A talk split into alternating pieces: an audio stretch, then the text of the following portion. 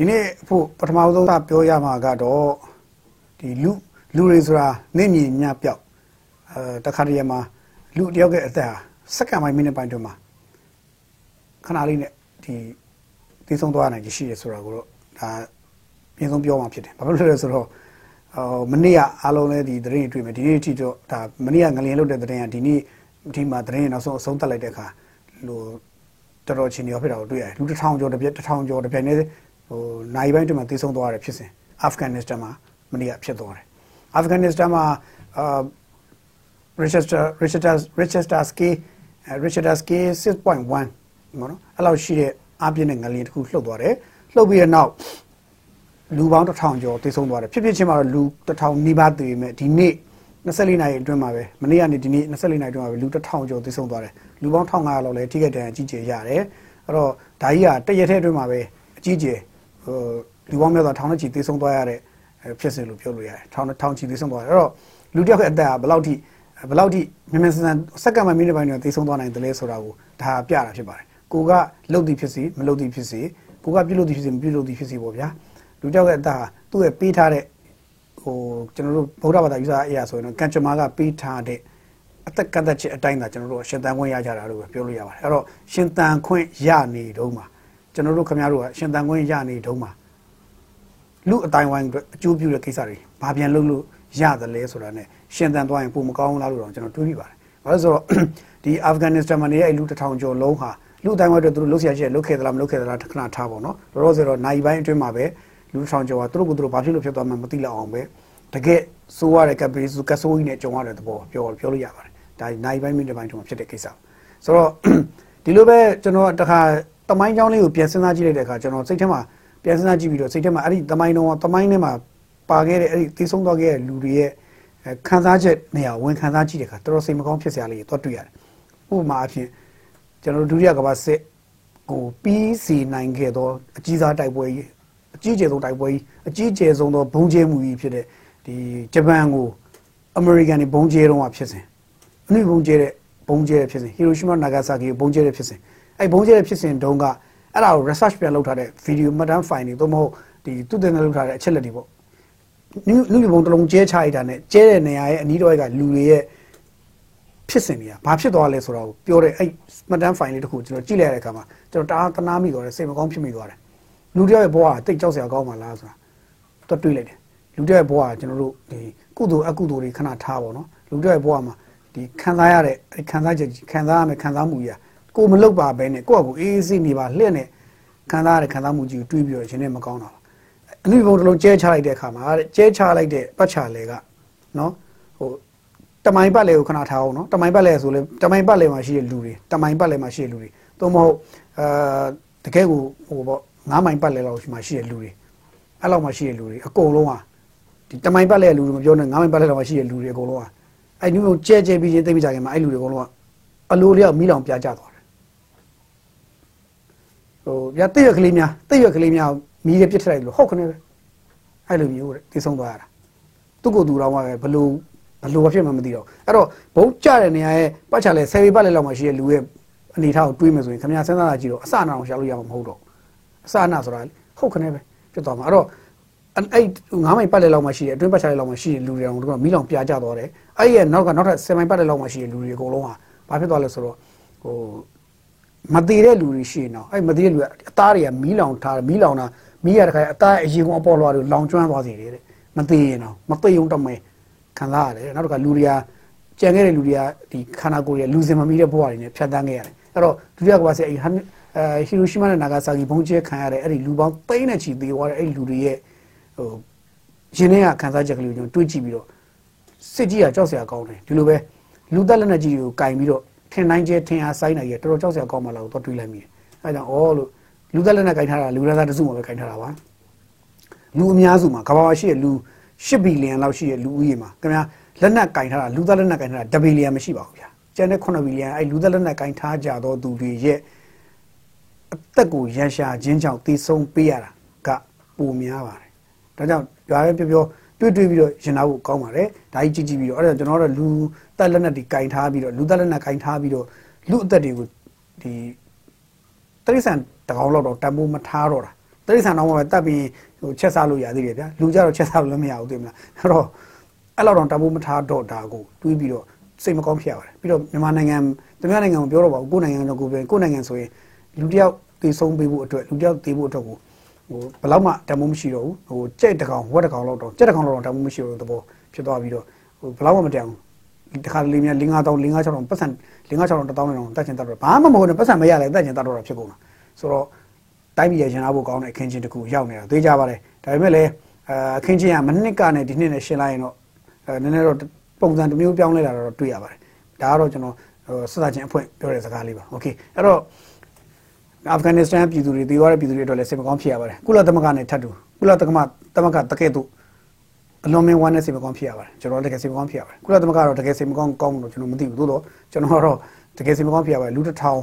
ကျော်လောက်ကတိုက်ခနဲ့ခဏလေးနဲ့မိနစ်ပိုင်းတွင်မှာတပြိုင်တည်းတည်ဆုံးသွားရတာကြောက်စရာတော်တော်ကောင်းပါတယ်နော်အဲ့တော့ဒါဒါပြီးတဲ့နောက်ကျွန်တော်ဒီနေ့ဘာဖြစ်ချင်လဲဆိုတော့အားလုံးသိတဲ့အတိုင်းပဲဗျာလွန်ခဲ့တဲ့ရပိုင်းလေးကဖြစ်သွားတဲ့ဒီဒီရခိုင်ပေါ့ဗျာမောင်တော်ဘက်ကဆရာနဲ့ဆရာမပေါ့ဖန်စီခံရတဲ့ဆရာနဲ့ဆရာမကိစ္စပေါ့မြည်သည့်အဖွဲ့က ဖန်စီတော်မှမသိဘဲနဲ့မြည်တို့မြည်ပုံပျောက်တော်မှမသိဘဲနဲ့ပျောက်သွားတဲ့ဆရာနဲ့ဆရာမပေါ့ဗျာအဲ့ဒီကိစ္စကလည်းတော်တော်ပြုံးစရာတော့ကောင်းတယ်ဗျဟိုဘယ်လိုပြောမလဲဒီဆရာနဲ့ဆရာမပျောက်သွားတဲ့အချိန်မှာပျောက်သွားတဲ့အချိန်မှာဘသူဖမ်းသွားတာလဲဆိုတော့ဘသူကဖမ်းတာမှမသိဘူးအဲ့လိုအဲ့လိုနဲ့ပျောက်သွားတာပေါ့ဗျာနှစ်ယောက်ပျောက်သွားတော့ရုပ်တရက်ဆိုတော့ဘာလဲဒူလောဒူလောတွေဖြစ်ကြရင်နောက်ဆုံးမှာဟိုဘုချုပ်ထွန်းမြတ်နိုင်ကအေးဘက်ကဘုချုပ်ထွန်းမြတ်နိုင်တက်ကြီးတယ်အာစာဖမ်းတာတက်ကြီးတယ်အာစာကလည်းသူတို့ဆွဆွရကောင်းလားဆိုပြီးတော့ရှူရှဲဝူးဝိုက်ထားပြောတယ်အာတခါဟို RSO RSO တွေကလည်းဒါမျိုးလောက်တာမကောင်းဘူးဆိုထားပြီးရှူရှဲကြင်ကြတာဟာအာစာရောအေးအေးရော RSO တွေရောအဲ့လိုပြောနေတော့ဟာဘသူကမြန်ဖမ်းပါလိမ့်ပေါ့ကျွန်တော်လည်းတော်တော်အံ့ဩသွားတယ်ဟာဖမ်းသူပြောက်ပြီးတော့နင်းထိုင်လူနှစ်ယောက်ကအလိုနင်းမြေရှုမိုးပြန်သွားလေသလားပေါ့နော်နောက်တစ်ခါတစ်ခါလူမှုကွန်ရက်မှာလည်းမျိုးစုံရေးကြတာပေါ့ဗျာအခုဒါဘာပဲပြောမနေ့ကညနဲ့ပေါ့နော်ဒီနေ့မနေ့စောကြီးလောက်လာထင်ပါတယ်ဒီနေ့မနေ့စောကြီးထင်ပါတယ်အဲပြန်လာပို့လိုက်ပြီလို့ပြောတယ်ပြန်လာပို့ပြီဆိုပြီးတော့မပို့ဘူးအဲ့นี่အနေတော့အသက်တော့ အသက်အန္တရာယ်တော့ကင်းသွားပါတယ်လွတ်သွားပါတယ်သို့တော့အာမြန်မာပြည်ဘက်ကိုပြန်ပို့ဖို့မပို့ခင်လေးမှာပဲဘင်္ဂလားဒေ့ရှ်ကော့ပဇာခရိုင်ထဲမှာပဲခရိုင်ကော့ပဇာခရိုင်နဲ့ရွာလေးတွေရွာမှာသူကအဲ့ရွာနေပြီးတော့မြန်မာဘက်ကဒီဒီဘက်ဒီဘက်ကိုမြန်မာဘက်ချောင်းလန့်လွှဲဖို့လုပ်တဲ့အချိန်မလွှဲခင်ပြန်လာခင်လေးမှာပဲအာဘင်္ဂလားဒေ့ရှ်ကဘင်္ဂလားဒေ့ရှ်ကအရာရှိတွေကလာပြီးခေါ်ရတယ်လို့သိရတယ်။ဘာလို့ခေါ်ရလဲဆိုတဲ့ခေါင်းစဉ်ကတော့တချို့ကတော့မျိုးစုံပြောကြတော့ဗောဒါမျိုးခေါ်ပိုင်ခွင့်ရှိသလားမရှိဘူးလားဒါမျိုးလုပ်လို့ရသလားဘာလားတကယ်တော့သူ့ရဲ့နိုင်ငံရဲ့ပိုင်တဲ့ထဲမှာ အဲရှိနေလူသူတို့ကိုယ်တိုင်ဒီလိုခေါ်ပြီးတော့အဲမြန်မာဒီဘက်က NASA ကအစိုးရတာဝန်ရှိသူတွေတိုက်ရိုက်ခေါ်ပြီးအပ်ပြီးတော့တည်တည်ချာအပ်ပြီးရင်တော့ပိုကောင်းတာပေါ့ဗျာအဲ့လိုအဲ့လိုမျိုးပဲဖြစ်တာပေါ့နော်ဂျားပါမတော်စားပြန်လိုက်တဲ့လမ်းမှာတစ်ခုများထပ်ဖြစ်နေဘယ်နဲ့လုံးမလဲပေါ့နော်အဲ့ဒါလည်းစိတ်ပူရပါတယ်ဘာလို့ဆိုတော့အလုံးကြိုရေးအဆောက်အအုံမရှိဘဲနဲ့ပြန်လာခဲ့ရမယ်ဆိုရင်ဘယ်နဲ့လုံးလဲပေါ့ဒါလည်းစိုးရင်ရပါတယ်ဆိုတော့ဘယ်လိုဆိုတော့ဘင်္ဂလားဒေ့ရှ်ကခေါ်သွားတယ်လို့သိရတယ်ဆိုတော့ဘင်္ဂလားဒေ့ရှ်ခေါ်သွားရဆိုတော့ဒီနှစ်ယောက်ကိုရွေးဖို့အတွက်ဘင်္ဂလားဒေ့ရှ်တကာငွေ350မြန်မာငွေနဲ့ဆိုရင်3000နီးပါးပေါ့ဗျာ အဲ့လိုပမာဏရှိတဲ့ငွေကိုအဲဒီဘက်ကနေလှမ်းပြီးပေးလိုက်ရတယ်ပြောတယ်ပေးလိုက်ရတာဘယ်သူပေးလိုက်လဲဆိုတော့ကျွန်တော်ရုပ်တရက်ဆိုတော့အစတော့ဩစစ်တပ်ကများနတ်ဆက်ကများသွားပေးသလားရခိုင်ပြည်နယ်အစိုးရများပေးသလားဘယ်ဟုတ်မလဲအဲ့ဒီမှာရှိတယ်ဖုံကြီးเจ้าရှိတယ်အဲ့ဖုံကြီးဖုံကြီးเจ้าတောင်ပေါ်เจ้าမို့အဲ့เจ้าလို့ခေါ်တယ်သူကတော့အဲ့ရဆရာတော်တွေကနေပတ်စံစုပြီးတော့ပေးလိုက်တယ်လို့ပြောတယ်ပေးလိုက်တယ်ပေးလိုက်တဲ့အတွက်အဲပြန်လွတ်လာတယ်လို့လည်းပြောတယ်ဘာကြောင့်မှလည်းမသိဘဲနဲ့ပြည်သူဖမ်းပြည်သူမျိုးကဖမ်းမှမသိဘဲနဲ့ပြန်လွတ်လာတယ်လို့သိရတယ်ဆိုတော့အာဆာလို့တော့အားလုံးကပြောကြတယ်ပေါ့ဗျာဒါပေမဲ့အာဆာလည်းညင်ဟိုလိုကညင်ဒီလိုကညင်ဆိုတော့ ဘာမှမသိဘဲနဲ့လွတ်လာတယ်ပေါ့အဲဒါပေမဲ့အခြားတစ်ဖက်မှာကျတော့အဲ့ဒီနှစ်ယောက်နဲ့ပတ်သက်ရင်ဟိုလိုလိုဒီလိုရေးတဲ့စာတွေအဲလည်းတက်လာတာတွေ့ရတယ်ဥပမာအဖြစ်သူတို့နှစ်ယောက်ကဟိုခိုးရလိုက်ပြေးသွားသလားဘာလားညာလားဆိုတဲ့ဟာမျိုးလေးရေးကြတာတွေ့ရတယ်ဘယ်လိုဖြစ်ဖြစ်ဒီလိုမျိုးရေးသားတာကတော့ဟုတ်တော်ရှိမဟုတ်တော်ရှိလူနှစ်ယောက်ရဲ့ဂုဏ်သိက္ခာဖြစ်ပါတယ်နောက်ကျောင်းဆရာဆရာမတွေရဲ့ဂုဏ်သိက္ခာဖြစ်ပါတယ်အဲ့တော့အော်သူကသူဘာဖြစ်သွားတယ်ဆိုလဲဒါရေးလောက်တဲ့အထိရေးဖို့မသိဘူးလို့ယူဆတာပေါ့နော်ဒီလိုပဲမြင်ပါတိုးတော်လဲဒါကိုကျွန်တော်မှတ်ချက်မပေးလို့ပါဘူးဘယ်လိုပဲဖြစ်ဖြစ်ဘာမှမှတ်ချက်တော့မပေးလို့ဘူးလောလောဆယ်တော့ဘင်္ဂလားဒေ့ရှ်အစိုးရဘက်က ခေါ်ပြီးတော့စောက်ရှောက်ထားတယ်စုံစမ်းမင်းစုံစမ်းစုံစမ်းစရာမင်းမြန်းစရာတွေရှိတယ်လို့လည်းပြောတယ်ပေါ့အဲ့တော့စုံစမ်းမင်းမြန်းဆိုတာကတော့သူတို့ဘယ်သူတွေဖမ်းတာလဲဘယ်လိုလူမျိုးတွေလဲဘာလဲညာလဲဆိုတော့ဒီဘင်္ဂလားဒေ့ရှ်ကပိုင်တဲ့ထဲမှာရှိတဲ့အကြမ်းဖက်အုပ်စုတွေပေါ့လက်နက်ကိုင်အုပ်စုတွေပါညာတွေများဘယ်သူတွေပါနေလဲဘာလဲညာလဲဆိုတော့သူတို့စုံစမ်းမင်းမြန်းမယ်လို့ထင်ပါတယ်အဲဒီတော့ဟုတ်တော်ကြီးမဟုတ်တော်ကြီးလောလောဆယ်သူတို့ခေါ်ပြီးထားပြီးနောက်မှာမြန်မာဘက်ကဒီရခိုင်ပြည်နယ်အစိုးရအဖွဲ့ကနယ်လုံဝင်ကြီးကတော့စစ်တွေမှာရှိတဲ့ကောင်စစ်ဝင်တို့ဘာလို့ခေါ်တွေ့တယ်လို့လည်းသတင်းကြားပါတယ် အဲဘင်္ဂလားဒေ့ရှ်ကောင်စစ်ဝင်တို့ဘာလို့ခေါ်တွေ့ပြီးတော့ဘာကိစ္စလဲဘာလဲညာလဲဆိုတာမျိုးပေါ့သူတို့ခိုင်းရင်မှလုံလုံချင်းချင်းပြအပ်ဖို့ပြောတာတော့မသိဘူးပေါ့ဗျာနှစ်ဖက်တေချာပြီးပြီးတော့ဒါမကြခင်တရက်နှစ်အတွင်းမှာတော့တေချာပေါက်သူတို့နှစ်ယောက်ကိုတော့ဒီတေးသေးချာဒီအစိုးရချင်းဒီလိုတေချာအဆောက်အအုံတေချာအဲ့လိမ့်မယ်လို့ယူဆပါတယ်ဒီလိုပဲကျွန်တော်ဟိုတွက်ဆမိပါတယ်အဲ့တော့လောလောဆယ်တော့အဲ့ဆရာနှစ်ယောက်ကအဲ အဲဆရာနဲ့ဆရာမနဲ့အသက်အန္တရာယ်မရှိတာကပဲအစိုးရအကောင်းလို့ပဲပြောပြစီဗျာเนาะဒါကတော့ဒီနေ့ရဲ့ဒါဒီနေ့ ဒီရခိုင်နဲ့ပတ်သက်တဲ့အဲ့သတင်းမှာတစ်ချိန်တည်းမှာရခိုင်ပြည်နယ်ပတ်သက်ပြီးတော့ဒီနေ့မှာထူးခြားတဲ့နောက်ထပ်သတင်းတစ်ခုကဖြစ်သွားခဲ့ပါတယ်ဒါကဘာလဲဆိုတော့အော်စစ်တပ်ကအရာရှိတယောက်ရယ်စစ်သားတယောက်ရယ်ရဲတယောက်ရယ်ကိုအေးရဖမ်းသွားတယ်ဆိုပြီးတော့သတင်းတွေကရစစ်တွေမြို့မှာဖမ်းသွားတယ်ဆိုပြီးသတင်းတွေထွက်တယ်ထွက်တော့စစ်တွေမှာလုံခြုံရေးတင်းတင်းကြပ်နဲ့ဟိုစစ်တီစစ်တော့စစ်တာတွေနည်းပါလှုပ်သွားတယ်လို့သိရတယ်။တစ်ချိန်တည်းမှာပဲအာဖမ်းသွားတဲ့လူတွေကိုနဲ့ပတ်သက်လို့လည်းလိုက်စုံစမ်းဖော်ထုတ်မှုတွေလုပ်နေတယ်လို့သိရတယ်။ဆိုတော့ ဒီဖြစ်စဉ်ကလည်းတော်တော်တော့ထူးဆန်းနေအေးဖမ်းတယ်လို့ခေါင်းစဉ်ထွက်လာပြီးမဲ့အေးရတကယ်ပဲဖမ်းသလားမဖမ်းသလားလဲပြောရခက်တယ်။တခါတည်းရခိုင်ပြည်ထဲမှာတချို့ကိစ္စတွေက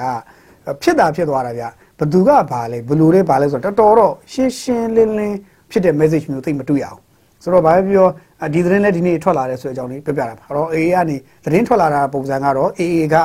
ဒီစစ်တပ်ကဘူကြီးတယောက်ရဲ့ရဲရေးတပ်ရေးတပ်ကပါစစ်တပ်ကရေးတပ်ကဘူကြီးတယောက်ရဲ့စစ်သားတယောက်ရဲ့ရဲတယောက်ရဲ့ဖမ်းထားတယ်ဆိုတဲ့သတင်းစကားထွက်ပါတယ်။ အဲ့လိုပဲအခြားရခိုင်မှာတော့ AA နဲ့ဒီစစ်တပ်ကြားမှာတော့အာအားပြိုင်မှုလေးအနေငယ်ရှိနေတယ်ဆိုတော့သိရတယ်။သို့တော်လည်းတနက်တန်နေမကျေလောင်ဘူးကြဲကြဲလောင်ထွက်မလာသေးတဲ့အတွက်အဲဝမ်းသာအဲဝမ်းသာစရာလို့ပဲပြောမှာပေါ့အစိုးရအကောင့်လို့ပဲတွေးပါဝမ်းသာတော့မဟုတ်အစိုးရအကောင့်လို့တွေးပြစီဘာပြောဟိုတနတ်တန်မကြားတဲ့နေမြေမှာတနတ်တန်ဆက်မကြားပဲနဲ့တနတ်တန်နေမထုတ်တော့ပဲနဲ့တကယ်ကိုပဲဒီနှစ်ဖက်နားလည်မှုရှိရှိနဲ့ဆက်ပြီးခီးဆက်တဲ့နိုင်ငံရေးခင်းချင်းမျိုးဖြစ်သွားဖြစ်သွားတယ်မျိုးကျွန်တော်တို့မျှော်လင့်ပါတယ်တနတ်တန်နေထပ်ပြီးတော့ဘယ်နေရာမှမကြားချင်ပါဘူးမြန်မာနိုင်ငံရဲ့ ကြောင်ကြိုကြောင်ကြားနေရာကအစထင်ရှားနေကြောကြားတဲ့နေရာရဲ့အထိမြည်သည့်နေရာတွေမဆိုးမြည်သည့်တနတ်တန်မှမကြားတဲ့ခင်းချင်းမျိုးရွှေ့ဖို့ပဲကျွန်တော်တို့မျှော်လင့်ပါတယ်အဲ့ဒါကိုတော့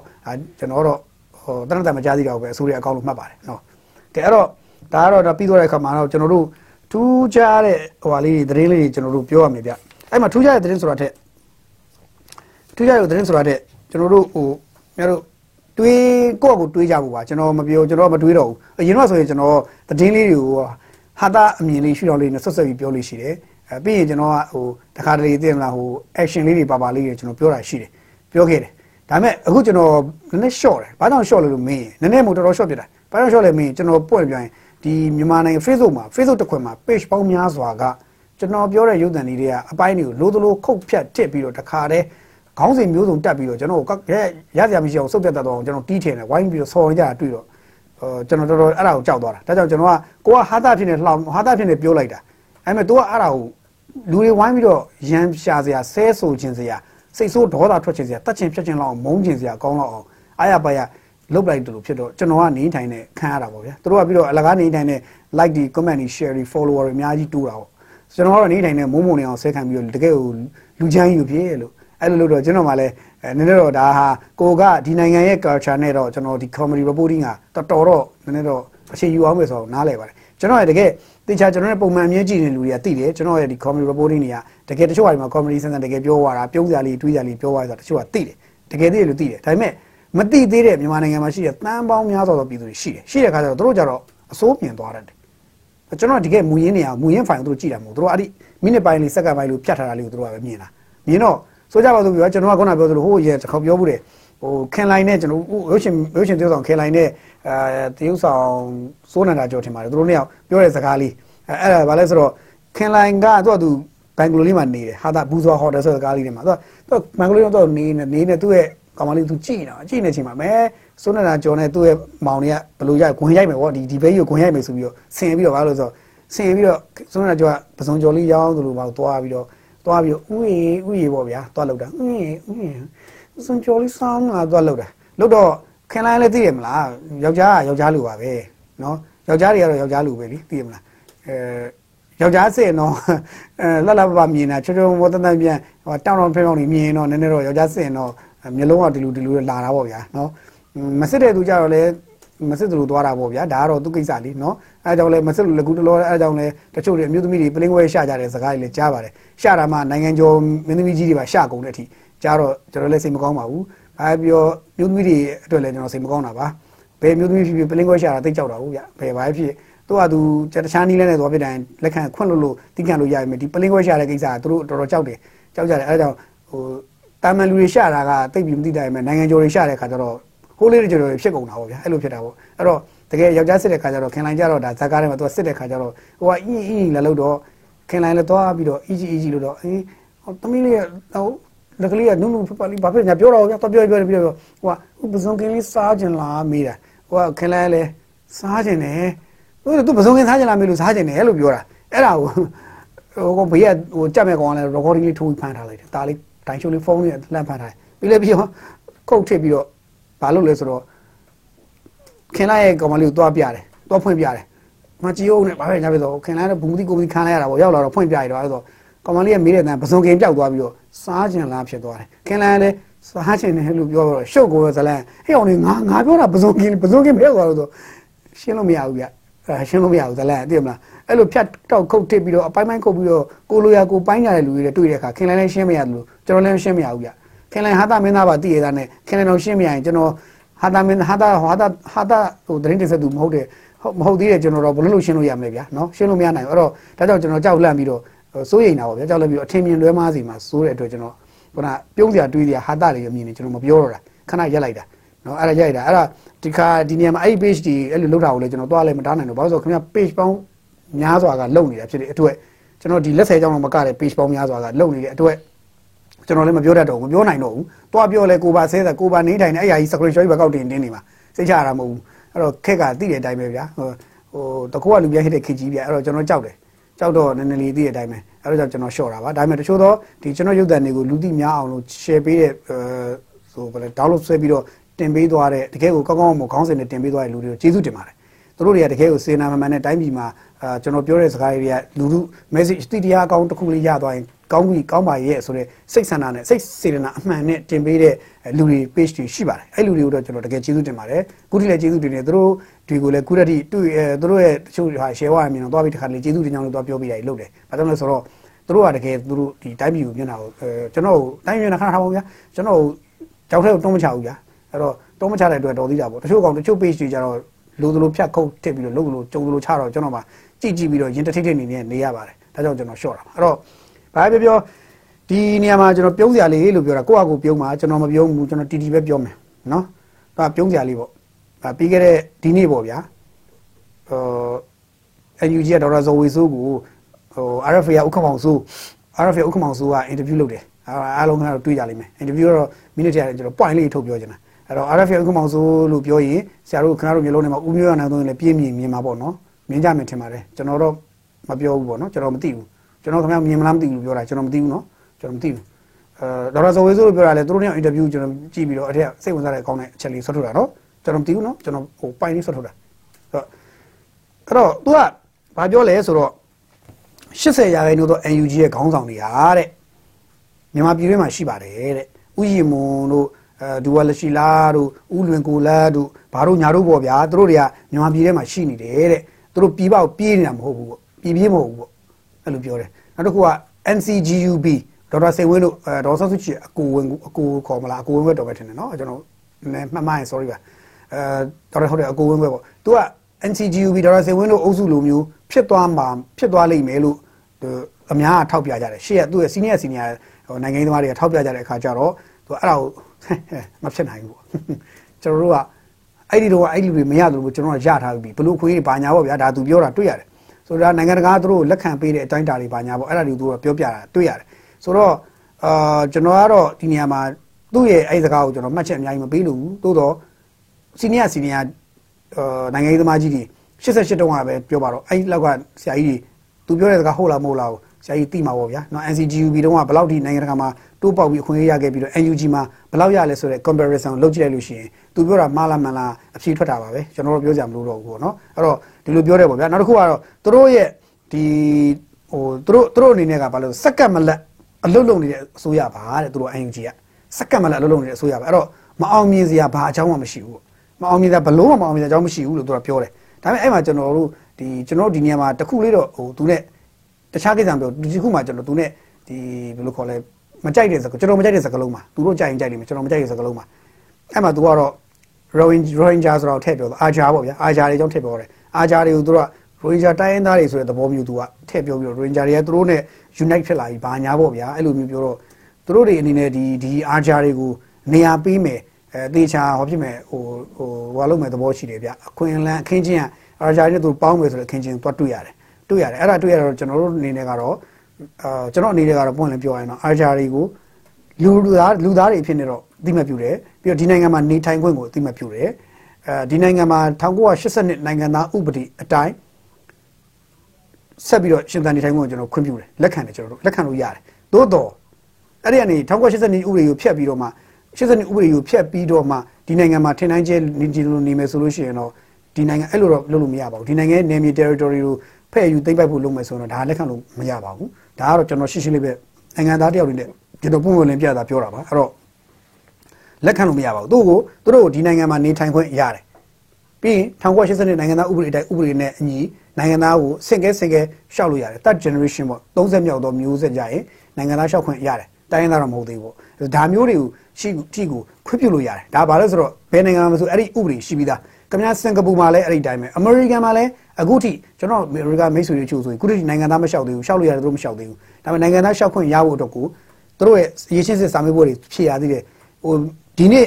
တော်လိုင်းရေးကြောင်ဟိုဘက်ကိုပြေးသွားပြီမနေ့ကနိုင်ငံသားအမေရိကန်နိုင်ငံသားဖြစ်သွားပါသလားလို့မေးကြည့်ပါမဖြစ်ပါဘူးအဲ့လိုပဲဖြစ်သွားရင်တော့အဲ့ဒီလူတွေကအများကြီးမျိုးဆက်တစ်ခုနဲ့မျိုးစုံစောင့်ပေးရပါတယ်ဖြစ်သွားရင်တော့သူတို့မှလုတ်ပိုင်ခွင့်ကန့်သက်ခံထားရတယ်ဘောင်တွေရှိပါသေးတယ်ဘောင်တွေကန့်သက်ခံထားရရှိပါအဲ့တော့အမေရိကန်လူအခွင့်ရေးမှာတောင်းလူအခွင့်ရေးကိုအတကုံကုန်းអော်နေတဲ့အမေရိကန်ကြီးမှာတောင်း အမေရိကန်နိုင်ငံမှာတောင်းနိုင်ငံသားဖြစ်ခွင့်ကိုအများကြီးကန့်သက်ထားပါတယ်အဲ့တော့အများကြီးကန့်သက်တာဖြစ်တဲ့မြန်မာလိုနိုင်ငံမျိုးကတော့ပိုတောင်မကန့်သက်သင့်ဘူးလားလို့ပြောရမှာပေါ့ကန့်သက်တယ်ဆိုတာပိတ်ပင်တာမဟုတ်ဘူးကန့်သက်တာမတူပါဘူးပိတ်ပင်တာကြတော့လုံးဝမရဘူးလို့ပြောတာကန့်သက်တာကသူတို့ဒီ criteria ညီခွင့်ပြုပေးလို့ရတယ်ဆိုတော့ပြောချင်တာမတူပါဘူးအဲ့တော့ criteria ညီအောင်သွားရမှာပဲဖြစ်တယ်1980နိုင်ငံဥပဒေကနိုင်ငံသားဥပဒေကတော့ဒါဟာရှင်းရှင်းပြောရရင်တော့အကောင်းဆုံးသောဒီနိုင်ငံအတွက်ဒါနိုင်ငံသားဖြစ်ခွင့်နဲ့ပတ်သက်အကောင်းဆုံးသောဒါအကောင်းဆုံးသောနဲ့ဒီတရားမျှတမှုအရှိဆုံး ဥပဒေလို့ကျွန်တော်တို့မြင်ပါတယ်ဒီဥပဒေကဟိုတစ်ထဲမှာညင်းပွားတဲ့အချက်နည်းငယ်ရှိရင်တော့ဥပဒေတစ်ခုလုံးရဲ့ယာခိုင်နှုန်းယာနှုန်းပြည့်တိုင်းတာတစ်ခုတည်းအပြစ်၆ပြစ်ကင်းသေးတဲ့စင်မဟုတ်ရင်တော့90ရာခိုင်နှုန်းနဲ့အထက်စိတ်ချရပါတယ်ဒီနိုင်ငံအတွက်မဖြစ်မနေထားဖို့ထားရမယ်ဥပဒေတစ်ခုဖြစ်နေရှိနေတယ်လို့ကျွန်တော်တို့ပြောလို့ရပါတယ်အဲ့တော့ဒီနိုင်ငံမှာဒါမျိုးကိုလှုပ်ပေးထားတာကကျွန်တော်တို့ဒီဥပဒေတိုင်းသွားရမယ်လို့ယူဆပါတယ်အဲ့တော့ဒီဥပဒေကိုဖျက်ချင်ရင်တော့အဲဥပဒေကိုဖျက်ချင်ရင်တော့ဥပဒေကိုဖျက်နိုင်တဲ့အဆင့်ရောက်အောင်လုပ်ကြပါဒါပဲရှိပါတယ်ဥပဒေဖျက်နိုင်တဲ့အဆင့်ရောက်အောင်သွားကြပါ ဥပဒေဖျက်နိုင်တဲ့အဆင့်ရောက်မှဖျက်တာကောင်းပါတယ်ဥပဒေကိုဖျက်တယ်ဆိုတဲ့နေရာမှာဒီနိုင်ငံသားတွေလက်ခံရရလားဒီနိုင်ငံမှာနေထိုင်တဲ့လူနိုင်ငံသားအများစုလက်ခံရလားဆိုတော့ရှုထောင့်တွေးမှစဉ်းစားဖို့လိုပါတယ်အဲ့တော့ဒီဒေါက်တာဇော်ဝေဆိုပြောတဲ့ဒီဒီအာဂျာကိစ္စကတော့ကျွန်တော်ကတော့ object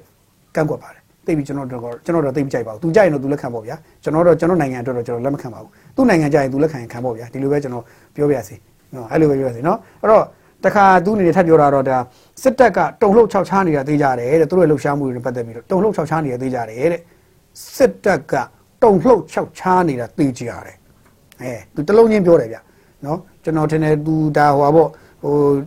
ဝင်းဦးတို့ဘာလို့ရဲ့ဇာကားတွေသူကြည်ဘူးတယ်ထင်ပါတယ်ဝင်းတို့ college နေဝင်းတို့ college နေဝင်းတို့ဇာကိုက်ကျူးတယ်တင်။အဲသူ့အသက်အရွယ်ကလည်းအဲ့ဒီ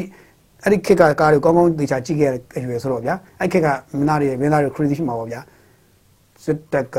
တုံလှုပ်ချုပ်ချားနေတာသိကြတယ်။အဲအဲ့အကွက်တွေပေါ့။သူတို့ပြောတာတွေ့ရတယ်။ဘာပြောပြောအမ်စစ်တပ်အနေနဲ့ကတဲ့အခုဘယ်မှာမှဘယ်နိုင်ငံရဲ့ဘယ်နေရာမှာမှ control လုပ်နေဆိုတာမရှိတော့ဘူးတဲ့နော်အဲ့တော့သူတို့တော်လန်ရေးကြီးကအောင်မြင်နေပါပြီလို့ဒေါက်တာဇော်ဝေးစုကပြောတယ်ဒီနေ့ထပ်ပြောတာနော်အဲ့တော့အာနိုင်ငံရေးအရာရောစစ်ရေးအရာပါစစ်တပ်ဟာသူတို့မရှင်နိုင်တော့ဘူးတဲ့ရှင်နိုင်သွမ်းလုံးဝမရှိတော့ဘူးတဲ့မလှန်နိုင်တော့ဘူးတဲ့အဲ့တော့သေချာပေါက် နိုင်လဲနိုင်နေပြီဖြစ်သလိုနိုင်နေတဲ့အခြေအနေဘက်ကိုရောက်နေပြီဆိုပြီးတော့သူကပြောသွားတာတွေ့ရပါတယ်အဲ့တော့ဒါကတော့ခင်ဗျားတို့ဒီကြီးစုနေတဲ့ပေးသက်ကပဲကြီးစုနေတဲ့မြို့ပြည်သူတွေအကိုလေးမတွေဦးလေးတွေအန်ကယ်တွေဆရာဆရာမတွေအဲအကုန်လုံးစဉ်းစားပေါ့ဗျာသူပြောတဲ့နိုင်နေပြီနိုင်နေပြီဆိုတဲ့စကားဟာကိုယ့်ကိုဆက်ပြီးစဉ်းစားကြည့်ပါဖြစ်လားဟုတ်လားမဟုတ်လားကိုဘေးနားပတ်ချလို့ကြည့်ပါကြည့်လိုက်ပြီးမှဟုတ်လားမဟုတ်လားကြည့်ရင်တော့သိပါပြီဒီလိုပဲကျွန်တော်ပြောပြစီเนาะအဲ့တော့ ဒါကတော့သူ့ရဲ့စကားလေးပေါ့ဗျာဒါကျွန်တော်ဒါလေးတွေ့လို့ကျုံလို့ပြောတာပါဒါပေမဲ့ဒေါ်လာဇဝေဆိုးအနေနဲ့ကကျုံလို့ဒေါ်လာဇဝေဆိုးနဲ့ပတ်သက်တာလေးကျွန်တော်သိခဲ့ရတဲ့အကြောင်း hint တစ်ခုကျွန်တော်ပေးသွားချင်ပါတယ်အော်ကျွန်တော်တို့ဒီပြီးခဲ့တဲ့ဒီကိစ္စတွေကဒေါ်ဇဝေကိုဇဝေဆိုးကိုယ်တိုင်ဒေါ်ဇဝေဆိုးကိုယ်တိုင်သူညင်းလို့ရပါတယ်သူညင်းတာပိုကောင်းပါတယ်တခြားလူပြောနေမှဆိုသူညင်းတာပိုကောင်းပါတယ်သူ့ကိုမုန်းလို့ချစ်လို့မဟုတ်ဘူးပေါ့ဗျာပြောချင်တာကတော့အာကျွန်တော်ကြားခဲ့တဲ့သတင်းသမားတယောက်ကသတင်းလိုက်ရင်းနဲ့ နောက်ဆုံးမှသတင်းတွေဖြစ်နေဆက်ဆက်ဆက်ဆက်ပြီးပိုင်ပိုင်နိုင်နိုင်ခံခံမှတိလာတဲ့ချက်လေးတစ်ချက်ပါဒါပါလဲဆိုတော့တစ်ချက်မှမကဘူးဗျာဒါပေမဲ့တစ်ချက်ပဲပြောရမယ်အာအရင်တော့ကကျမကြီးဒူဝကြီးဒေါက်တာကျော်မြင့်ဆိုတာရှိခဲ့ဘူးလေဦးတန်းရွှေကြီးခင်မှာအဲ့ဦးတန်းရွှေကြီးရဲ့ family doctor ဖြစ်နေရှိတာဒေါက်တာကျော်မြင့်တို့အပါဝင်နောက်ထပ်ဆရာကြီးတွေတကယ်ဆရာကြီးရှိတယ်သူ့ရဲ့ senior ကြီးတွေပေါ့သူတို့အဖွဲ့တစ်ဖွဲ့လုံးရွေ့တော့တော်ရွှေ့ပလိုက်တာဦးတန်းရွှေကြီးရဲ့အမာခံကြီးဖြစ်သွားတယ်အမာခံဦးတန်းရွှေကြီးရဲ့တကယ်ကိုစိတ်ချရဆုံးအဲမိသားစု family doctor ကြီးလိုမျိုးဖြစ်လာတယ် သူကဦးတန်းရွှေကြီးကိုရောဒေါအောင်ဆန်းစုကြည်ကိုရော family doctor family doctor ဆန်းဆန်းသူကကုသပေးခဲ့ရတယ်သူဖြစ်ခဲ့တယ်ဦးတန်းရွှေကိုရောဒေါက်တာဒေါအောင်ဆန်းစုကြည်ကိုရောအဲ့တော့ဦးတန်းရွှေကတော့သူ့ကိုတော်တော်ဖြစ်ပါတယ်တော်တော်လေးကိုသူ့ကိုတော်တော်အားကိုးခဲ့တယ်လို့သိရတယ်တော်တော်လေးကိုယုံကြည်စိတ်ချတယ်လို့သိရတယ်ဦးတန်းရွှေကြီးကဦးတန်းရွှေဆိုတာကျွန်တော်တို့အားလုံးအော်အော်နေတယ်နေပြည်တော်ကိုတည်ထားတည်ခဲ့တယ်အဲနှစ်ပေါင်း20ကျော်တိုင်းပြည်ကိုလှုပ်လို့မရအောင်ကင်လှုပ်ဆွဲပြီးအုပ်ချုပ်သွားတဲ့စစ်အာဏာရှင်ဆိုတဲ့ခင်ဗျားတို့ပြောတဲ့စစ်အာဏာရှင်ရဲ့ခေါင်းချုပ်ကြီးပေါ့ဗျာအဲသူဦးတန်းရွှေရဲ့ တကယ်စိတ်ချရဆုံး family doctor လူယူလူယုံတယောက်လို့ရှိတယ်လို့ပြောရတယ်အဲ့မှာသူကဗာလဲဆိုတော့အာဥသိစိန်ဆိုရလက်ထက်မှာဥသိစိန်ဆိုရလက်ထက်မှာသူကဒီပထမခန့်တဲ့ဒေါက်တာဖေသက်ခင်ဒေါက်တာဖေသက်ခင်ကျမကြီးဝန်ကြီးပေါ့ဒေါက်တာဖေသက်ခင်ကိုအနာပေးလိုက်တဲ့ကာလမှာသူကဥသန့်ရှူသွားပြီးကူညီတောင်းခဲ့တယ်သွားပြီးတော့ဟိုဘဘကြီးပေါ့ဗျာဘဘကြီးပေါ့ဘဘကြီးပဲခေါ်တာပေါ့ဘဘဘဘဘဘပေါ့ဘဘကြီးဘုံကျုံကြီးလို့သူပဲခေါ်ရမှာလေဗျာဘဘကြီးပဲခေါ်ပါပေါ့နော်ဘုံကျုံကြီးကိုခေါ်လာဘဘကြီးခေါ်လာတော့သူပဲတိမှာပေါ့ဗျာအဲ့တော့သူက ဘဘကြီးပေါ့အာကျွန်တော်ဝင်ကြီးလုပ်မယ်ပေါ့သွားတောင်းတယ်သွားတောင်းတော့ဟိုကမပြီးဘူးဦးတန်းရွှေကတော့မပြီးဘူးပေးလို့မရဘူး तू မပေးတော့ဘဲနဲ့ तू ကအာအခြားအချိန်တစ်ခုစောင့်မအောင်မင်းနည်းနည်းငယ်သေးရဲ့အချိန်တစ်ခုအောင်ဆိုအဲ့ဒါစောင့်လိုက်ရတယ်တစ်ခေါက်တစ်ခါဒေါအောင်ဆန်းစုကြည်ဆိုတဲ့လက်ထက်မှာအဲဦးသိန်းဆိုပြီးဒေါအောင်ဆန်းစုကြည်လက်ထက်မှာဟိုကျွန်တော်တို့ဒီဒေါက်တာမြင့်ထွေးဝင်ကြီးမဖြစ်ခင်လေးမှာလည်းတစ်ခါ तू ကသွားပြီးတော့တစ်ခါထပ်ပြီးတော့ तू တောင်းသေးတယ်တောင်းသေးတယ်လို့ကျွန်တော်ပြန်ကြားတယ်ကြားရတယ်ပေါ့ဗျာအဲ့ဒါပေမဲ့အာဒေါက်တာမြင့်ထွေးရဖြစ်သွားတယ် ဒေါက်တာမြင့်ထွေးကျတော့ဒေါအောင်ဆန်းစုကြည်ရဲ့အဲယောက်ျားဘက်ကယောက်ျားဘက်ကဆက်ဆက်ပြီးတော့အမျိုးတော်တယ်လို့ကြားရတယ်အဲ့တော့ယောက်ျားဘက်ကဆက်ဆက်တဲ့အမျိုးတော်လာတယ်ဘလို့ဘလို့ဆက်ဆက်ပြီးတော်လာတော့မသိဘူးဗျအဲ့လိုတော်လာတဲ့ဒေါက်တာမြင့်ထွေးဖြစ်တော့ဒေါက်တာမြင့်ထွေးကဝင်ကြီးဖြစ်သွားတယ်အဲ့တော့မြင့်ထွေးကအာဘာတွေပဲလုပ်လို့ sosotopit ဒေါက်တာဆိုပြီးတော့စင်ကာပူကအမကြီးတွေဘလို့ပဲပြောပြောဒေါက်တာမြင့်ထွေးယာရုပြုတ်ကိုပြုတ်ခွင့်နဲ့ငါးနှစ်ဒီဒီဆက်ပြီးတော့ပြည့်တဲ့ทีသူတာဝန်ထမ်းဆောင်သွားခွင့်ရခဲ့တယ်သူကအဲ့တော့ဘာပဲပြော ဒေါက်တာမြင့်ဒေါက်တာဟိုဒေါက်တာမြင့်ထွေးပဲဆက်ဖြစ်တယ်သူမဖြစ်လိုက်ဘူးအဲ့တော့သူ့ကိုအဲ့ဒီမှာသူ့ကိုအတွင်းဝင်ယာရုပေးတယ်ဒါမဲ့ तू မယူဘူး तू မယူဘဲနဲ့ဆေးပဲဆက်ကူမယ်ဆိုဆေးပဲဆက်ကူပါဆေးတက်ကတူတစ်ပါချုပ်လုပ်တယ်ပေါ့ဗျာအဲ့တော့ねဒီဘက်ကဒေါက်တာတက်ခိုင်ဝင်းကနေထိုင်နေ तू ကအတွင်းဝင်ဆက်ဖြစ်သွားတယ် तू နဲ့ဒေါက်တာတက်ခိုင်ဝင်းတွေက same batch လို့ခေါ်မလားသူတို့ဒီတကယ် same batch တော့မဟုတ်တော့သူတို့ကဒီခစ်ပြိုင်နေပေါ့ခစ်ပြိုင်လို့ခေါ်တာပေါ့အဲ့လိုဖြစ်တာဒေါက်တာတက်ခိုင်ဝင်းကအတွင်းဝင်ဖြစ်သွားတယ်ဖြစ်သွားပြီးတော့ဒေါက်တာဇော်ဝင်းကအတွင်းဝင် तू လုပ်ရလုပ်လို့ရပါလေ तू မလုပ်ဖ ೇನೆ ရှောင်ခဲ့တယ်လို့သိရတယ်ဆိုတော့ဘာဖြစ်ဖြစ်ဘာကြောင့် तू ဒီလိုလုပ်လဲကျွန်တော်မသိပါဘူးနောက်တော့ ဒီ NASA ကစစ်တပ်ကအာဏာရယူပြီးတဲ့နောက်မှာတော့ဒေါက်တာဇော်ဝင်းကအေးအေးဆေးနေပြီးမှတည်တည်ငြိမ်အေးအေးဆေးဆေးနဲ့နေပြီးတော့မှလာလေလာလေအနေငယ်ကြာတော့အခါကြာမှအေးအေးဆေးဆေးနဲ့နေဆက်ကိုထွက်သွားတာလို့သိရတယ်ဆိုတော့ဒါကျွန်တော်သိရတဲ့ information ပါအဲ့တော့ဒါတွေရဲ့ကွင်းဆက်တွေကဘာတွေရှိလဲတော့ကျွန်တော်မသိပါဘူးနောက်ွယ်မှာဘာတွေရှိလို့ဘယ်လိုတွေသွားမလဲတော့ကျွန်တော်မသိပါဘူးမသိလည်းမသိပါဘူးအဲ့ဒါတော့ကျန်တာတော့သူတို့ပဲသိမယ်ကိစ္စပါသူတို့ဒီနိုင်ငံနဲ့ပတ်သက်လို့ရှိရင်တချို့သောအကွက်ရွှေ့မှုတွေကဘယ်လောက်ထိကျဲထားလဲဆိုတော့ကျွန်တော်လည်းမသိပါဘူး တချို့အကွက်တွေကဘယ်လောက်ကျဲလဲမင်း15နှစ်20လောက်လှမ်းအကွက်ကျဲတာရှိတယ်ကျန်တာပြောနေတယ်ကနေပြီးတော့ယူလွန်ခဲ့တဲ့15နှစ်လောက်တည်းကအကွက်ကြဲကြဲရွှေ့ထားတာအခုနေပြည်တော်ကြီးကဘယ်လိုနေရလဲကွာကြည့်တယ်သိတဲ့အတိုင်းပဲနေပြည်တော်ကြီးကဘယ်လိုလဲဆိုတော့မင်းနေပြည်တော်ကြီးဖြစ်သွားတာပေါ့ဗျာအစိုးရအဖွဲ့တွေအကုန်လုံးကအကုန်လုံးစီးပွားရေးလုပ်ငန်းရှင်ကြီးတွေအကုန်လုံးဟိုထင်ရှားကြွကြသူတွေအကုန်လုံးကအကုန်လုံးနေပြည်တော်ကြီးမှာပဲအာအကုန်လုံးဘာလို့ဆိုတော့နေပြည်တော်ကြီးကတကယ်နေချင်းစပွဲကြီးပေါ့လာကြည့်ပါဗျာမိုက်တယ်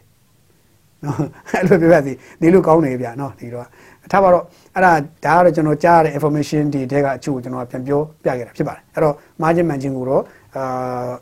ကျွန်တော်ပြောတာမှားတယ်လို့ပြန်ပြန်ညင်းညင်လဲသက်ဆိုင်ရာတောင်းရှိသူညင်းတာကောင်းပါတယ်ဘေးလူတွေညင်းမယ်စားပေါ့နော်အဲ့ဒါပိုကောင်းပါတယ်နော်ဒီလိုပဲပြောပါစေအမ်နောက်တစ်ခုကတော့ဒေါ်အောင်ဆန်းစုကြည်ရဲ့ဒီအချုပ်ထောင်ကိစ္စလေးကတော်တော်လေးတော့ဒီနေ့အဲလူမှုကွန်ရက်မှာတော့ဒါထွက်လာတယ်ဘယ်လိုထွက်လာလဲမေးရင်နာဆာကဘက်ကသတင်းမှန်ပြကြားရေးဘက်ကနေပြီးတော့ထုတ်ပြန်လိုက်တဲ့စာလေးတစ်စောင် စာနှစ်ကြောင်းခွဲပေါ့အဲ့စာလေးတစ်စောင်ကနေကြည့်ပြီးတော့အဲဒီနေ့လူမှုကွန်ရက်မှာတော့အုံထားပေါ်လို့ရနေတွေ့ရတယ်ဒါကိုတွေ့ကြတွေ့ချင်းအပြင်ကျွန်တော်ဘာလို့တော့တွေးမိလဲဆိုကျွန်တော်မနေ့ကလည်းပြောတယ်မနေ့ကတဲ့သတင်းတွေသိကြတယ်မနေ့ကလည်းရွှေ့လိုက်တယ်ဆိုကျွန်တော်တို့ကသတင်းတွေရခဲ့တယ်ရခဲ့တဲ့အတွက်ဒါရွှေ့လိုက်ပြီးဆိုတော့သိတယ်အဲ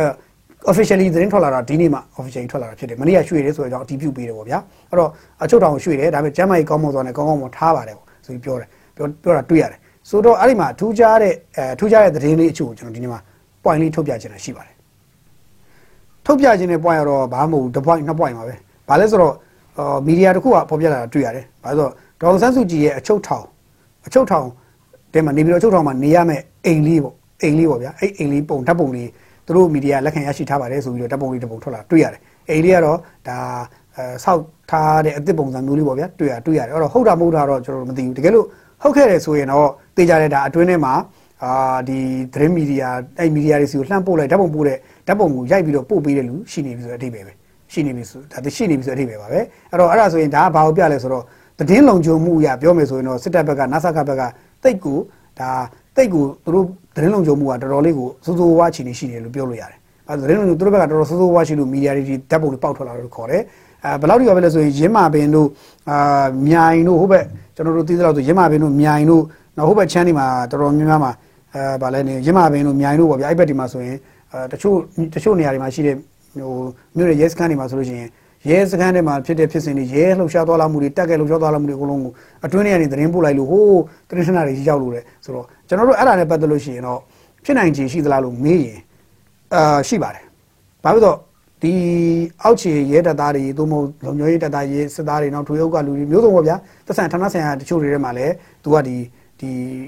ဘာကြောင့်မှမသိဘူးပေါ့တချို့တွေခံစားချက်ကြောင့်လားသို့မဟုတ်ငွေကြောင့်လား လားတလားပေါ့ဗျာလားတဲ့တလားလားပေါ့ဗျာဘာလားညာလားတဲ့တလားလားပေါ့တလားလားကြောင့်သူကဒီသတင်းတပ်ပုံတွေသတင်းထွက်ထွက်သွားတာရှိပါတယ်သတင်းမလေးစီထွက်သွားတာရှိပါတယ်တခါနောက်တစ်မျိုးကတမင်ကိုသတင်းလွှတ်တာရှိပါတယ်တမင်ကိုဒီသတင်းကိုမပြန့်ပြန့်အောင်ပြန့်စေခြင်းနဲ့ရည်ရွယ်ချက်နဲ့ပို့ရရှိပါတယ်ဒါကြောင့်သတင်းသမားစီကိုရောက်လာတဲ့သတင်းတွေဟာအဓိပ္ပာယ်၃မျိုးရှိတယ်အဲ့တော့အဓိပ္ပာယ်၃မျိုးတွေကတမင်ရွေချက်ရှိရှိသိကောင်သိအောင်လို့ကိုဟိုတမင်ဖြန့်လိုက်တဲ့သတင်းရှိသလိုတကယ်လေ အတွင်းထဲကနေဖရဲသီးပေါ့ဗျာသူတို့ပြောတယ်ဖရဲသီးဖြစ်တာလည်းရှိတယ်အဲ့တော့ဘလို့ပဲဖြစ်ဖြစ်ဘလို့ပဲရှိရှိတေချာတော့သတင်းကတော့အပြေကိုပေါက်ထွက်လာတာကြီးပါပဲအခုလည်းဒါဒေါ်ဆန်းစုကြည်ရဲ့ဒီအိမ်ဆိုတဲ့ဟာလေးကဟုတ်တော်ရှိမဟုတ်တော်ရှိဒါဒီလိုမျိုးထွက်လာတဲ့အတွက်စိတ်ဝင်စားဖို့တော့ကောင်းပါတယ်အဲကျွန်တော်ကတော့ဒါကိုမှတ်ချက်ပေးရမှာခက်ပါတယ်ပုံလည်းပြောတော့ဒီထက်ကိုကျွန်တော်မရောက်ဘူးလို့ကျွန်တော်မသိဘူး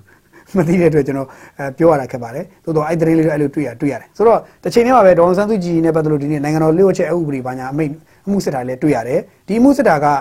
အဲဒီအမှုစစ်တာကအာဒီရှောင်းတန်နဲတို့ဘာလို့လဲပါတာပေါ့ဗျာရှောင်းတန်နဲတို့အုပ်စုတွေပါတာပေါ့ဆိုတော့ဒီနိုင်ငံတော်လျှို့ချက်အဥပဒေကတော့တော်တော်ကြောက်စရာကောင်းပါတယ်တကယ်လို့ဒါဥပဒေကဘာဖြစ်မလဲဆိုရင်ထောင်ဟာ10နှစ်နဲ့အထက်ကြာနိုင်ဒီထပ်ပြီးချနိုင်တဲ့အဲ့ဒါပါတာပေါ့ဗျာအဲ့တော့နိုင်ငံတော်လျှို့ဝှက်ချက်ဥပဒေဆိုတာတော့ခင်ဗျားပွင့်လည်းပြောနေတော်တော်လေးစိတ်ဝင်စားဖို့ကောင်းတယ်ကြောက်စရာလည်းကောင်းတယ်ဥပမာဆိုကြပါစို့ကျွန်တော်တို့ကုမ္ပဏီတစ်ခုမှာရုံးခန်းတစ်ခုမှာဆိုကြပါစို့ပေါ့ဗျာကုမ္ပဏီတစ်ခုမှာပေါ့ကုမ္ပဏီမှာထုတ်ပြန်ထားတဲ့စီကံလေးတစ်ချက်ရှိမယ်သူကကုမ္ပဏီမှာအများကြီးရှိပြီးသားကုမ္ပဏီရဲ့ရုံးလုပ်ငန်းကိစ္စတွေကုမ္ပဏီတွေပြောဥပမာပြရနော် ရုံးလုပ်ငန်းကိစ္စတွေကအပြင်ကိုပေါက်ကြားမှုဖြစ်လို့ရှိရင်ဖြစ်စေတဲ့သူကိုဥပဒေအရေးယူတရားစွဲမယ်ဆိုတာရှိတယ်ဆိုတော့ထားပါတော့ကုမ္ပဏီမှာကောင်းတာကောင်းကြောင်းလုပ်တော့ဗျာကုမ္ပဏီကဒီနေ့တော့ကုမ္ပဏီကဒီနေ့တော့အဲရုံးကအဖွဲ့တွေကိုငါအဲရုံးကအဖွဲ့တွေကရုံးအဖွဲ့တွေကိုရုံးရဲ့အကြီးကဲကနေပြီးတော့မဟုတ်ဖို့ဘယ်လောက်ပေးတယ်ဟေးဆိုပြီးရှိတယ်အဲ့ဒါကိုကိုကဖတ်ဆိုပြီးတော့တယောက်ကအပြင်ကိုရှောက်ဖြန့်လိုက်တယ်ဆိုပါစို့ဖြန့်ရင်းနဲ့ပြန်ရင်းသူ့ပြိုင်မဲ့ကုမ္ပဏီရောက်သွားတဲ့ခါအဲ့တိုင်ကုမ္ပဏီအဲ့ဒါကြည့်ပြီးတော့ဘယ်ရမလဲလိုက်သွားပဲတဲ့အချိန်မှာပောက်ကြရပဲတဲ့ခါမှာဒီဘက်ကမဟုတ်ဖို့ပေးလိုက်တာဆိုတော့ကောင်းသောသတင်းဖြစ်ရင်တော့ဒါ အထက်ကသတင်းကိုအပြင်ကိုဖောက်တယ်ဆိုတဲ့အတိတ်ပဲနဲ့ကောက်ပြီးတော့ဆွဲကျင်ဆွဲလို့ရတယ်ဆိုတဲ့အတိတ်ပဲဖြစ်တယ်နိုင်ငံတော်လျှို့ချက်ဥပဒေဆိုတာဥပမာပေးတာနော်ဥပမာပေးတာနော်ဥပမာအဲ့တော့ဆိုတော့ဒီအဲမှာအစိုးရအဖွဲ့အတွင်းထဲမှာဖြစ်နေတဲ့ဖြစ်စဉ်တွေနဲ့ပတ်သက်လို့အဲကျင်းနှန်းစာအသွားပြန်ပေါ့တခြားသောဒီတခြားနိုင်ငံနဲ့ပတ်သက်ပြီးကျင်းနှန်းစာအသွားပြန်နေမှာဒီနိုင်ငံနဲ့ပတ်သက်တဲ့အရေးကြီးတဲ့စားစရာတွေအချက်လက်တွေကိုမတော်တဆသွားပါသွားတာမျိုးသို့မဟုတ်ရွေချက်ရှိသည်ဖြစ်စေမရှိသည်ဖြစ်ထွက်သွားမိတာမျိုးဆိုရင်အဲ့ဒါလည်းနိုင်ငံတော်လျှို့ချက်ဥပဒေနဲ့ညှိတာပဲပြောတယ်။ဘာလို့အစိုးရရဲ့ စာသွားလာတွေကလာဝတွေကြီးအများဆုံးပါပဲ။ဘရောမှဒီ official ထုတ်ပြန်တဲ့စာသက်သက်လာဝသက်သက်အဲ့တော့လာဝတွေကမတော်တဆတယောက်ရဲ့ဖုန်းတွေနောက်တစ်ယောက်ဖုန်းစီမှာသွားတွေ့ပြီးတော့အပြင်ကနိုင်ငံသားတယောက်ရဲ့ဖုန်းတွေမှာတွေ့နေရဆိုရင်ဒါအကြောင်းရှိတယ်အဲအဲ့လိုပေါ့ဆိုတော့အဲ့ဒါကြောင့်ခုနဒါမျိုးတွေကြောင့်လဲဒါလာဝနဲ့သွားဟိုတဲ့သဘောပါဒါကိုပြောချင်တာဒါကြောင့်ဒီတချို့လာဝတွေဒီကျွန်တော်တို့အသေးစိတ်ဆက်ရတာမဟုတ်သေးတဲ့အတွက်ပြောရခက်တယ်သို့တော့ဖြစ်နိုင်ခြင်းရှိဆုံးတွေကဘာလို့ဆိုတော့ဒီလိုခုနလိုခုနလိုခုနလိုအိမ်ဆိုတဲ့ပုံထွက်လာတာမျိုးလေဒါလာဝပါပဲအဲ့တော့ အာဒါတွေကနိုင်ငံတော်လျှို့ချက်ဥပဒေအောက်မှာဆိုရင်သွားတာပေါ့ဗျာနေထိုင်တယ်နော်အဲ့လိုမျိုးရှိပါတယ်ဒါကြောင့်ဒီကနဲ့စစ်တယ်ပေါ့တစ်ချိန်တည်းမှာပဲဒေါအောင်ဆန်းစုကြည်နဲ့ပတ်သက်လို့ရှိရင်အားလုံးကတွေးနေကြတာကဒီဘယ်လိုခေါ်လဲဆိုတော့ဒီလိုမျိုးဒေါအောင်ဆန်းစုကြည်ကိုဖမ်းထားတယ်ဖမ်းတာတရားလွန်လှပြီတရားဆိုရဲဆိုတော်တော်မချိမဆန်မတရားလွန်သွားပြီအခုတခါနေပြီးတော့ချုပ်တော်ရင်ထည့်တယ်ဆိုဒါအဆိုးဝါးဆုံးပြမှုဆိုပြီးတော့ခေါင်းစဉ်နဲ့ခေါင်းစဉ်ပေးပြီးတော့ဖိအားပေးနေတာကိုတော့တွေ့ရတယ်ဆိုတော့ဟိုဒီနေရာမှာတခုကပြတာကဖိအားပေးနေလူတွေကဘယ်လိုပဲဖိအားပေးနေပေးနေဗျ ဒေါ်ဆောင်စုကြည်ကိုယ်တိုင်ကဒီအမှုတွေနဲ့ပတ်သက်ပြီးတော့သူကိုယ်တိုင်တရားခွင့်မှာဘယ်လိုပဲညင်းဆိုနေညင်းဆိုနေတရားခွင့်ကိုသူကိုယ်တိုင်တက်နေရတာဖြစ်တယ်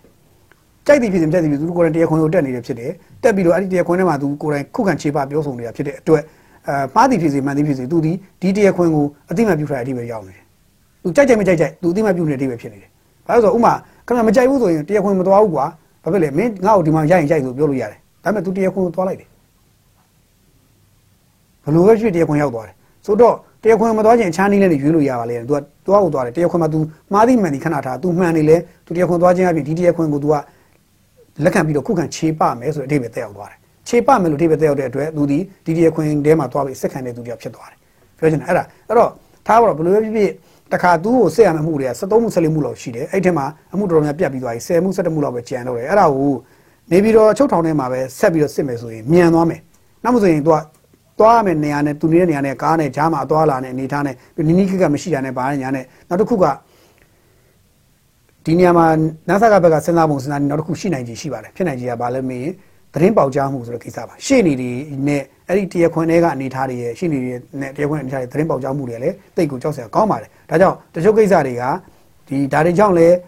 အကွက်ရွှေ့တာလည်းဖြစ်နိုင်တယ်လို့နောက်တစ်ခါအမှုကိုမြန်မြန်စစ်ချင်တဲ့သဘောလည်းဖြစ်နိုင်တယ်ဆိုတော့အမှုမြန်မြန်စစ်ခဲ့ပြီးသွားတဲ့နောက် ကြရင်အမှုတွေအကုန်လုံးအမိန့်ချပြီးသွားရင်အဲ့ဒီအမှုတွေအားလုံးအမိန့်ချပြီးတာကို decision ပုံစံမျိုးကိုပြောင်းပေးပိုင်ခွင့်ရှိတာဘာလို့လဲဆိုတော့တီဆဲလက်ရှိ NASA ကရဲ့ခေါင်းဆောင်ပူဇုံမှုကြီးမင်းအောင်လည်းဖြစ်နေတယ်သူကလက်ရှိချိန်မှာအဲဥပဒေပြုရေးအုပ်ချုပ်ရေးတရားစီရင်ကဏ္ဍ၃ခုလုံးကိုသူကကင်ထားတယ်ကင်ထားနေဖြစ်တဲ့အတွက်ကင်ထားရဆိုနေရာမှာလည်းကျွန်တော်ကြိုက်တာညင်းတော့ဟိုမကင်ဘူးပြောပြောကင်တယ်ပြောဥပဒေညီတယ်ပြောမညီတယ်ပြောဒါခင်ဗျညီတာမညီတာခဏထားလောလောဆိုတော့အဲကင်ထားတာကင်ထားတာပဲ နော်ကင်ထားတာကင်ထားတာညီညီမညီညီကင်ထားတာကင်ထားတာပဲအလွယ်ပြောရင်ပြောမှာဒုံကြီးကင်ထားတယ်ပေါ့ဆိုကြဒုံကြီးရိုက်ဖို့ဒုံကြီးကင်ထားတာပေါ့ဒုံကြီးကင်ထားမှာတော့မင်းဒုက္ခနဲ့တရားမဝင်ပြောလဲမရဘူးဘာလို့ခင်ဗျားတရားဝင်သည်ပြောပြောမဝင်သည်ပြောပြောအဲကင်ထားတဲ့ဒုံကြီးကကင်ထားတာပဲသူ့မှာရိုက်ပိုင်ခွင့်ရှိတယ်ဆိုအတိတ်ပဲပေါ့ဗျာမရိုက်ဘဲနဲ့လွတ်ချပြီးတော့ပြည့်ဖက်ပိုင်ခွင့်လည်းသူ့မှာရှိတယ်ပြောချင်တာဘာလဲဆိုတော့အဲ့ဒါကိုကျွန်တော်တို့ကရှင်းရှင်းလင်းလင်းမြင်တတ်ဖို့လိုတာပေါ့အဲ့တော့ဟိုကင်ဒုံကြီးကင်ထားတာပေါ့ဗျာဒီဥပဒေ၃ရက်ကြီးကလုံးဆိုဒုံကြီးကင်ထားပြီးတော့သူရိုက်ချင်တယ်ရိုက်လို့ရတယ်မရိုက်ချင်ဘူးသူပြည့်ဖက်ချင်တယ်ဖက်လို့ရတယ် ပြည့်ဖို့ဖက်ပြီးတော့သေချာပြုစုဆောက်ရှောက်ချင်တယ်ဆောက်ရှောက်လို့ရတယ်ဒါကသူ့ရဲ့အပေါ်မှာမူတည်အဲ့ဒါကိုမင်းဒုံကြီးကင်ထားတာတရားဝင်ပါဘူးကွာပြောလဲထူးမှမထူးတာဘလို့ဘလို့တော့ပြောမလဲပေါ့နော်အဲ့တော့ပြောလဲပြောတာပဲဖတ်တယ်မှာပဲလေပြောတယ်လေပဲဖတ်တယ်မှာဟိုကအဲ့တော့မှအမြင့်ကပုံမှန်နဲ့ဖြတ်ရိုက်တော့မှဝိုးတော့ခါအောင်မယ်အဲ့တော့တခါကြရင်တချို့ຢာလေးတွေကတရားဝင်သည်ဖြစ်စေမဝင်သည်ဖြစ်စေညီသည်ဖြစ်စေမညီဖြစ်စေပြည်သူထောက်ခံသည်ဖြစ်စေမထောက်ခံသည်ဖြစ်စေသူကသူ့ရဲ့သဘောတဘာဝကိုလေသူကင်ထားတဲ့ဒုတ်ကင်ထားတာဖြစ်တယ်ဒီဒုတ်ကိုသွားပြီးတော့ကင်ထားအကောင်လားစိတ်ဆိုးနေမယ်အစား ဒီဒုတ်နဲ့အရေးမခံရအောင်ဘယ်လိုမျိုးငါတို့လှလှပကြော်လွှားသွားမလဲဆိုတာကိုစဉ်းစားတင်တာလို့ကျွန်တော်တို့မြင်တယ်အဲ့တော့ထားပါတော့ဘယ်လိုပဲဖြစ်ဖြစ်အမှုတွေကိုသူမြန်မြန်စစ်ပြီးတော့ကဲစစ်ချပြီးတော့မှဘတ်ဆိုပြီးတော့ကဲနမူနာပြတာပေါ့နော်အမှုတွေအကုန်လုံးမြန်စစ်ချပြီးတော့စစ်ချမယ်ဆိုတော့ဗျာအခုဘလာ6လ6လကြံသေးတယ်ဗျာဇူလိုင်ဩဂုတ်စက်တင်ဘာအောက်တိုဘာနိုဝင်ဘာဒီဇင်ဘာ6လကြံသေးတယ်6လအတွင်းမှာအဲ့ဒီ17မှုလို့အမြတ်အဖြတ်ဖြတ်ချအကုန်စစ်ပလိုက်ကိုကျန်အကုန်ကုန်စစ်ပလိုက်ကိုစစ်လဲပြီးတော့အမှုတွေကိုအမိန့်ချပလိုက်ကိုဆိုပါစို့ဆိုပလိုက်ပြီးတော့အမိန့်ချလိုက်ပြီးတော့အမိန့်မိန့်နေအကုန်ချပြီးကြောင်းမှာအမှုပေါင်းအားလုံးပေါင်းပြီးတော့သူရဲ့ဒေါ်စုစီထောင်ကြ အဲကြခံစီဆိုတဲ့ဟာကထားပါတော့250ဖြစ်သွားတယ်ဆိုတော့200ဖြစ်သွားတယ်ဆိုပါစို့တတရကြုံမဟုတ်ဘူးတေးတာမဟုတ်ဘူးဖြစ်တဲ့အတွက်လက်ရှိအာနာတော့ကင်ထားတဲ့ဝင်းတုတ်ကြီးကင်ထားတဲ့ဗိုလ်ချုပ်မှုကြီးမင်းအွန်လိုင်းကနေပြီးတော့ဝင်းတုတ်ကြီးပြချပြီးတော့အမှားကြီးရယ်ဆိုရင်အဲ့ကြမှာခင်ဗျားတို့ကျွန်တော်တို့ဒီဘက်ကရင်မောပြီးတော့အော်ဒေါ်လေးခီးနေအောင်ကြည့်ပြီးတော့ဟိုအမိုင်းရဲ့အေးမောင်လေးရဲ့ဆိုတော့အဲ့ကြမှာဇက်ကတိတ်သွားတော့မှကျွန်တော်ကနေထိုင်ကြည့်ပြီးတော့ဟက်ကော်ကြီးနဲ့ဟမ်သူတို့ကအဲ့လိုကြီးလား ဆိုတေအောင်မယ်အဲ့ကြရင်အဲ့ကြရင်တေအောင်မယ်ဟိုတေအောင်မယ်ဆိုတာလူတေရပါမို့အဲ့ကြရင်ဟာ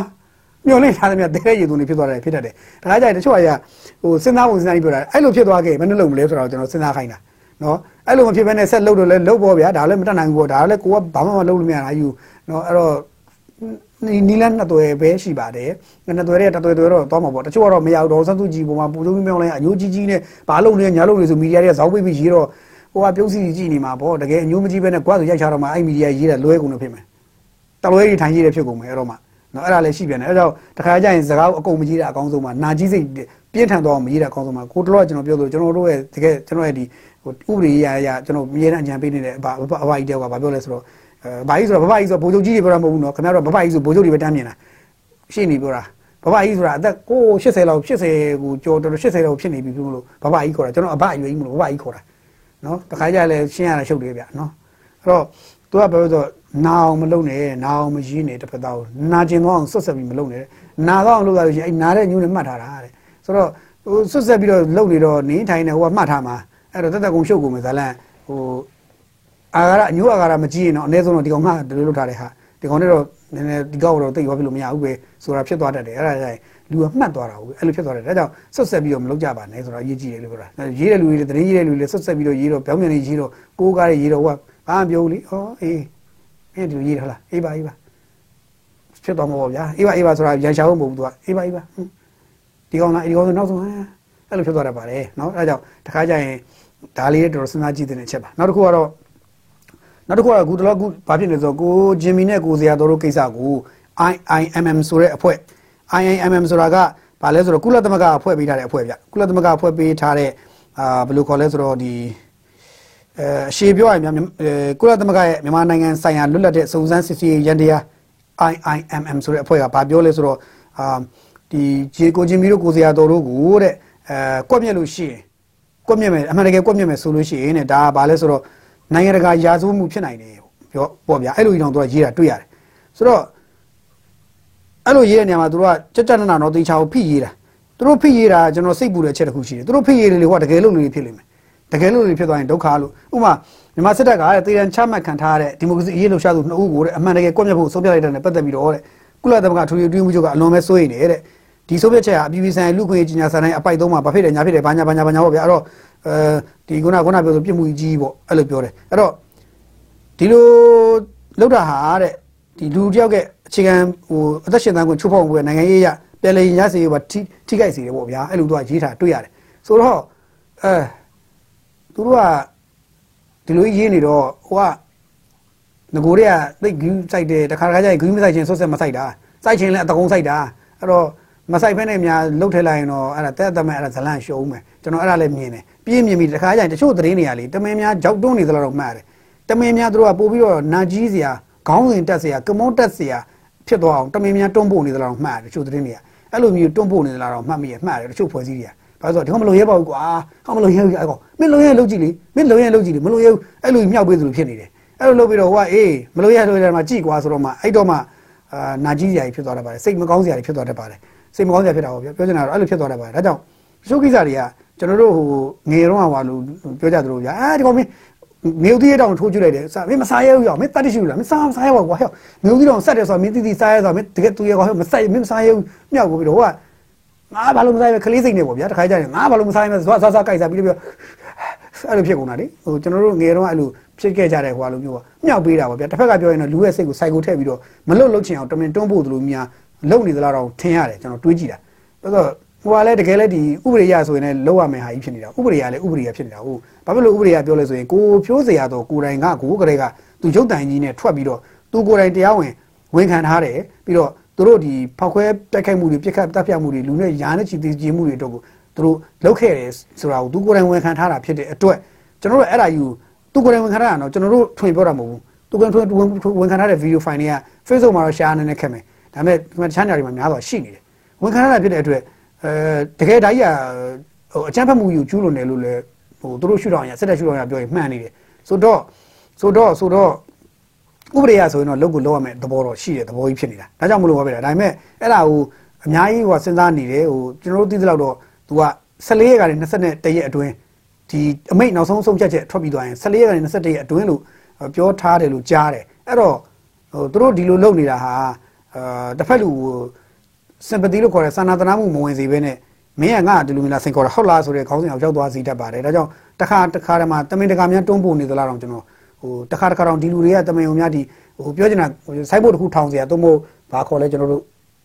ပကြီးကားလားဘယ်လိုခေါ်လဲအဲ့လိုကားချက်ထောင်ပြီးတော့ကျွေးကြော်စရာတစ်ခုရအောင်များတမင်လုံနေကြသလားတောင်ကျွန်တော်လည်းမသိပါဘူးပြအဲ့လိုမျိုးလုံပုံနေသလားလို့တော့တွေးမိခေါင်းတွေးစရာဖြစ်လာပါတယ်နော်ဒီလိုပဲကျွန်တော်ပြောပြစီကဲအဲ့တော့နောက်ဆုံးသတင်းလေးတစ်ခုအနေနဲ့ဗာပြောချင်တာလဲဆိုတော့